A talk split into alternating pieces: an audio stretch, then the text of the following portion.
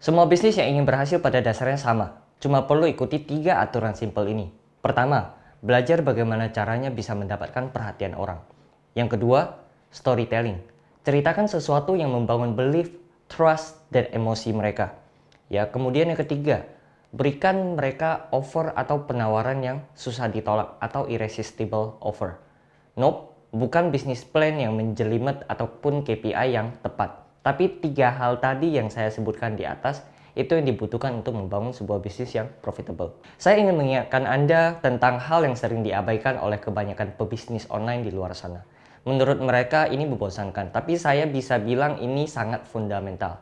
Jadi, pahami dengan baik dan selalu amalkan konsep ini di bisnis Anda baru kemudian ngurusin ads ataupun iklan.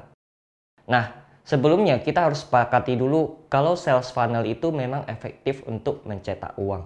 Memang efektif untuk mendatangkan omset ke bisnis Anda. Facebook Ads memang powerful untuk mendatangkan customer. Tapi yang sering mengakibatkan funnel jadi tidak efektif dan Facebook Ads jadi boncos atau rugi itu adalah tiga hal yang di atas itu diabaikan. Ya, funnelnya tidak berhasil menarik perhatian orang. Oke, kemudian tidak ada storytelling dan yang paling parah adalah tidak memberikan penawaran yang susah ditolak. Nah, tiga aturan itu saya singkat dengan hook, story, dan offer agar Anda gampang mengingatnya. Nah, yang pertama, hook. Dalam terjemahan bebasnya itu artinya kail. Kail buat apa? Umumnya ikan toh. Nah, kalau Anda mancing ikan di kolam, cuma pakai kail, apakah Anda bisa dapat ikan? Bisa. Hanya saja tidak semudah kita menggunakan umpan. Karena dengan umpan, Anda bisa menarik perhatian ikan-ikan yang ada di sana. Nah, bayangkan Anda sedang di bundaran HI deh, ya, yang ramai di hari Minggu karena Car Free Day. Kalau Anda ditantang untuk mendapatkan perhatian semua orang yang ramai yang lalu lalang di sana, apa yang akan Anda lakukan? Anda pasti harus melakukan sesuatu yang tidak lazim, yang out of the box dengan kreativitas Anda. Membuat mereka berhenti berjalan, ya, ataupun membuat mereka berhenti melakukan aktivitas mereka saat itu juga kemudian berbalik untuk melihat Anda. Betul? Kalau mereka tetap berjalan dan tidak melihat ke Anda, maka mustahil Anda bisa menyampaikan pesan Anda kepada mereka. Alih-alih Anda mau jualan. Nah, hook adalah salah satu bagian paling penting dalam menjual sesuatu. Karena apa? Karena hooklah yang akan membuat seseorang berhenti scrolling ya di internet, berhenti membaca, kemudian mengalihkan fokus mereka ke Anda entah itu ke iklan Anda, entah itu ke sales page Anda, ataupun offer Anda. So, apakah hook itu bagian dari copy? Bisa jadi, bisa tidak, ya. Hook bisa jadi adalah headline, bisa juga berupa video, bisa juga berupa image, ya, ataupun sebuah kata. Semua itu bisa jadi hook, ya. Ketika orang lain berpikir, hah, serius?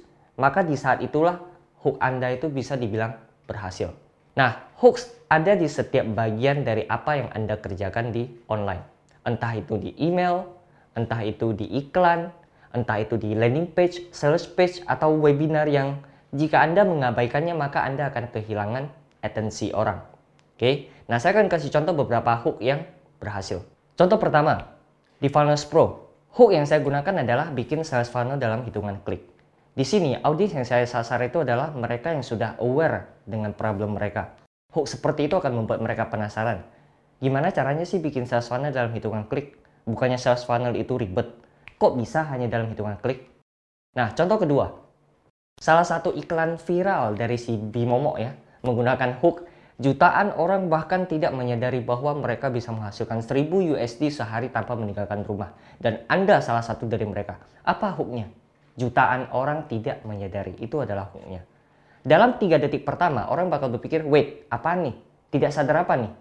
Apalagi ditambahin dengan elemen gainnya yang bisa menghasilkan 1000 USD sehari. Orang langsung penasaran kan? So, gimana caranya Anda membuat hook yang efektif? Nah, saya tahu ini bagian yang mungkin merupakan tantangan untuk kebanyakan orang karena dianggap susah. Bisa dibilang bagian paling susah dari berbagai elemen yang dibutuhkan dalam proses penjualan atau selling.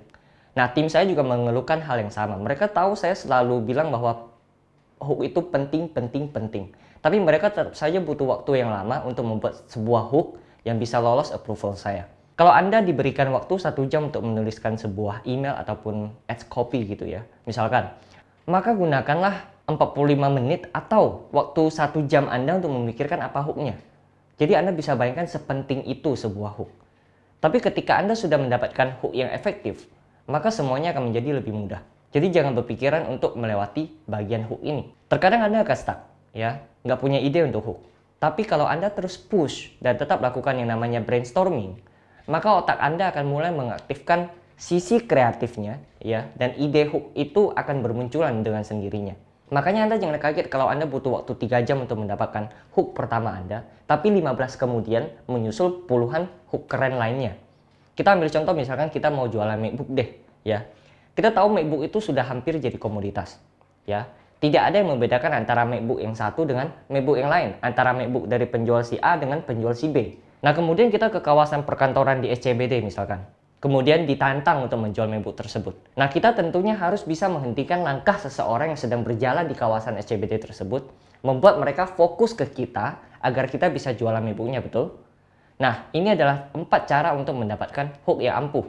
Yang pertama, childhood stories, ya. Pikirkan kembali cerita masa lalu Anda. Apakah ada bagian yang bisa Anda jadikan story? Story yang mampu membuat orang terus mendengarkan Anda, jadikan itu sebagai hook Anda. Yang kedua, childhood struggles. Pikirkan kembali pergumulan Anda dulu. Ya, ambil bagian yang paling klimaks sebagai hook Anda. Kemudian yang ketiga, story maker. Kalau Anda tidak punya cerita nggak apa-apa, maka berceritalah alias ngarang dan jadikan itu sebagai hook.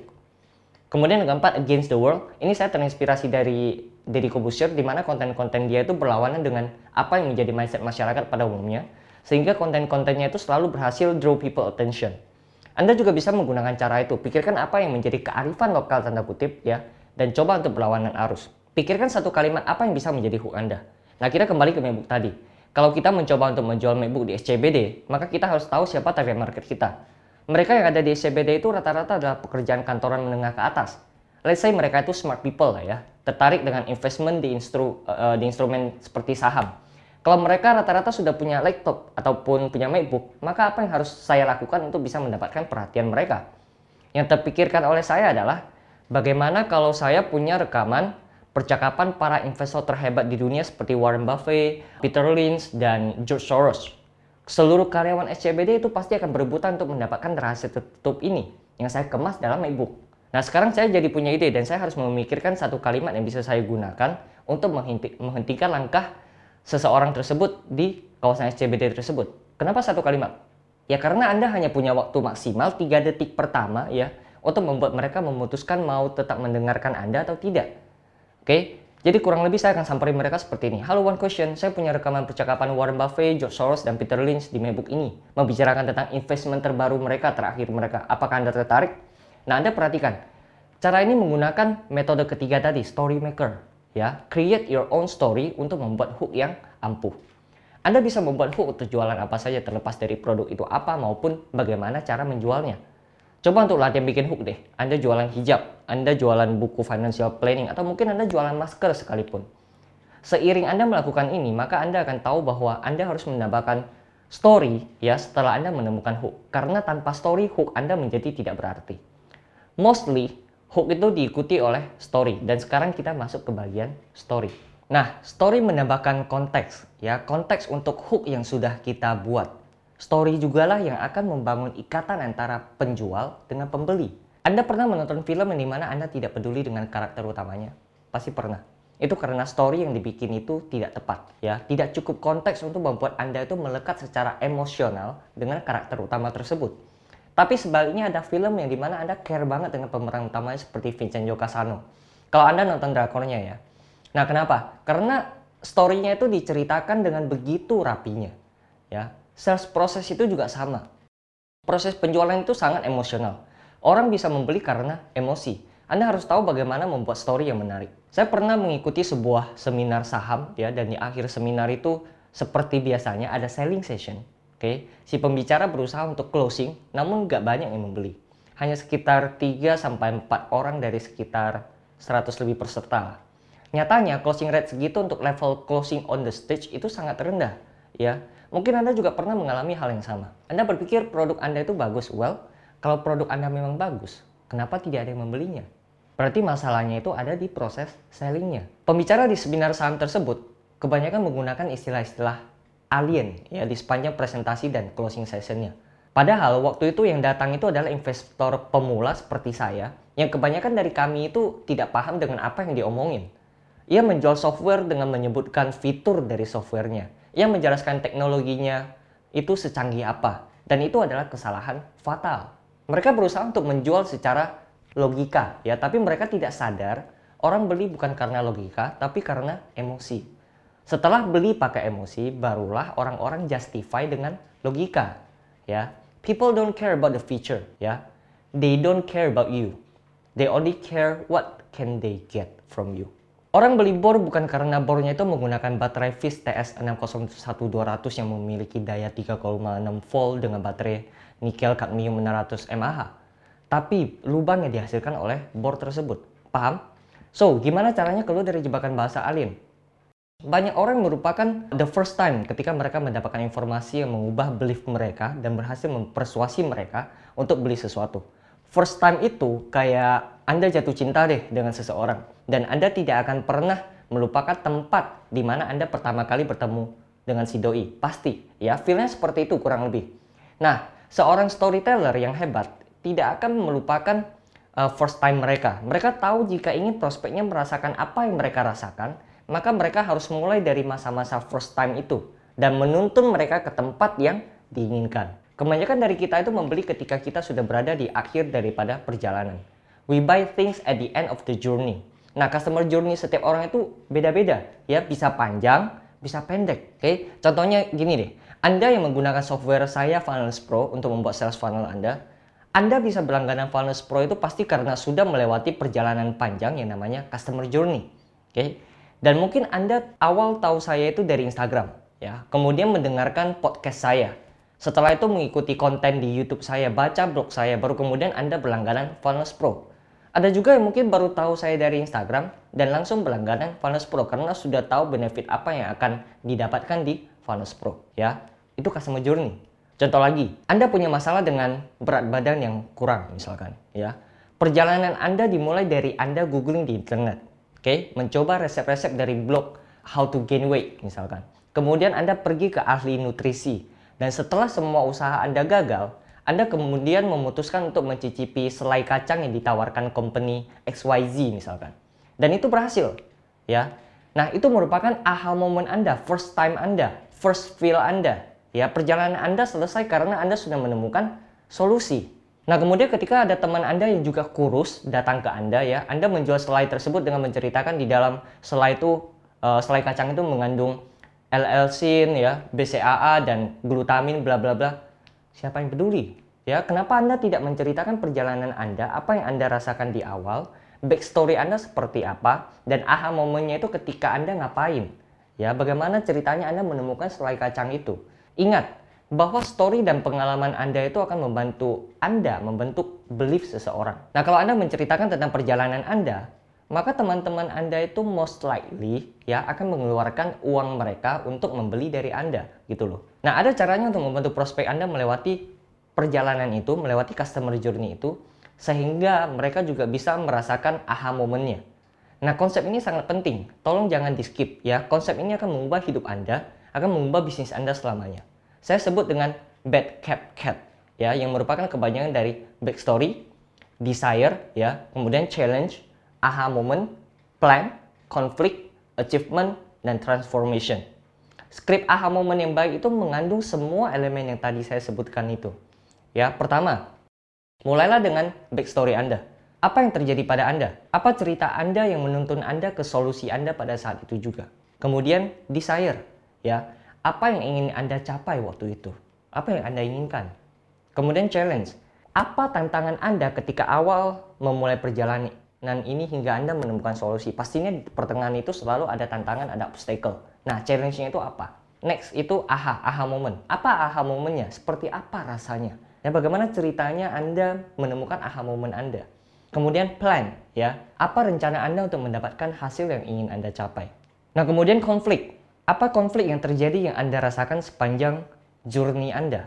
Kemudian achievement, apa resultnya, apa hasilnya? Dan yang terakhir adalah transformation. Bagaimana semua itu mengubah hidup Anda ya. Nah, sebelum kita lanjut ke next part yaitu offer, apakah sekarang Anda sudah bisa bercerita tentang aha moment membuat produk-produk latihan tadi yang saya sebutkan tadi hijab, buku financial planning, masker yang memberikan konteks lebih untuk hook Anda. Kalau sudah, maka Anda sudah bisa menjual produk tersebut. Oke, nah sekarang kita bahas offer. Hook dan story yang bagus itu akan meng-create sebuah buying environment untuk customer membeli dari kita. Asalkan offer Anda itu irresistible atau susah ditolak ya, dan merupakan sesuatu yang memang diinginkan oleh calon customer Anda. Anda lihat saya menggunakan kata offer atau penawaran dan saya tidak menggunakan kata produk. Oke. Produk itu adalah komoditas. Anda itu jualan hijab, gamis, sneakers, asuransi, properti dan semua orang-orang menjual produk yang sama. Terus apa yang membedakan Anda dengan mereka gitu loh? Ya. Orang-orang memilih untuk membeli dari penjual yang paling dekat dengan rumahnya atau biasanya yang paling murah. Nah, kalau Anda menggunakan strategi paling murah, ujung-ujungnya Anda akan terjebak dalam perang harga.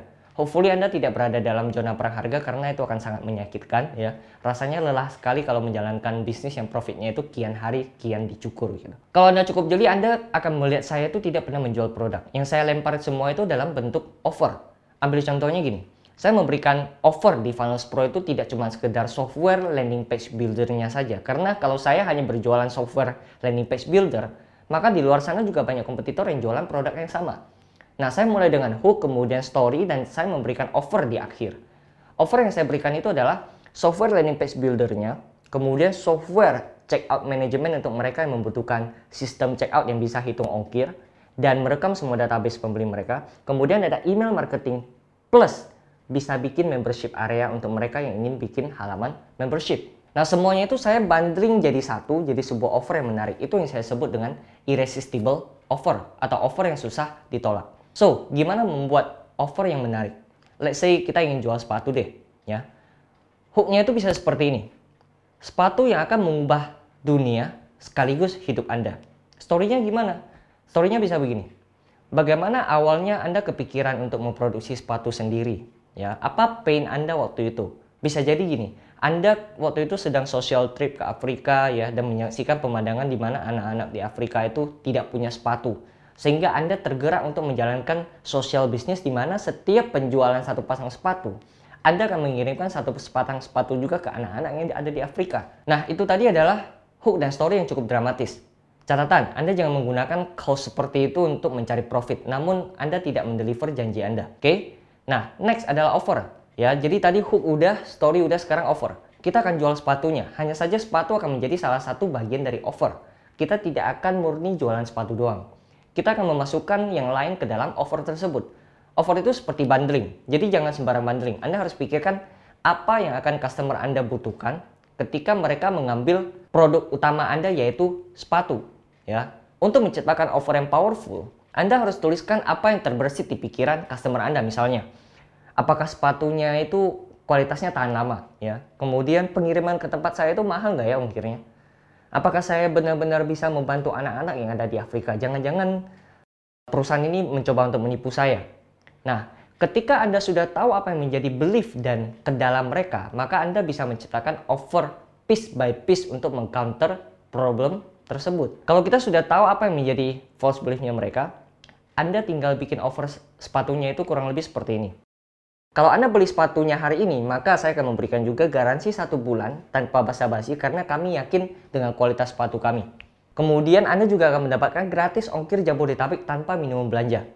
Kemudian saya juga akan berikan Anda video dokumentasi yang akan kami kirimkan setiap bulannya untuk mengupdate Anda apa yang sudah Anda lakukan buat anak-anak di Afrika dan bagaimana hidup mereka berubah karena Anda. Oke, jadi itu saya kemas menjadi sebuah offer. Itu contoh. Nah, Gimana? Anda sudah melihat bagaimana offer itu bisa matching dengan belief dan kendala customers? Dengan offer yang menarik, Anda akan mengcounter keraguan calon customer, mempermulus transaksi closing Anda dan tidak lagi Anda masuk ke zona merah atau perang harga. Kompetitor Anda itu tidak banyak, trust me. Ya. Sekian untuk episode kali ini, ya semoga bermanfaat. Kalau berkenan bisa share episode ini di Instagram Anda.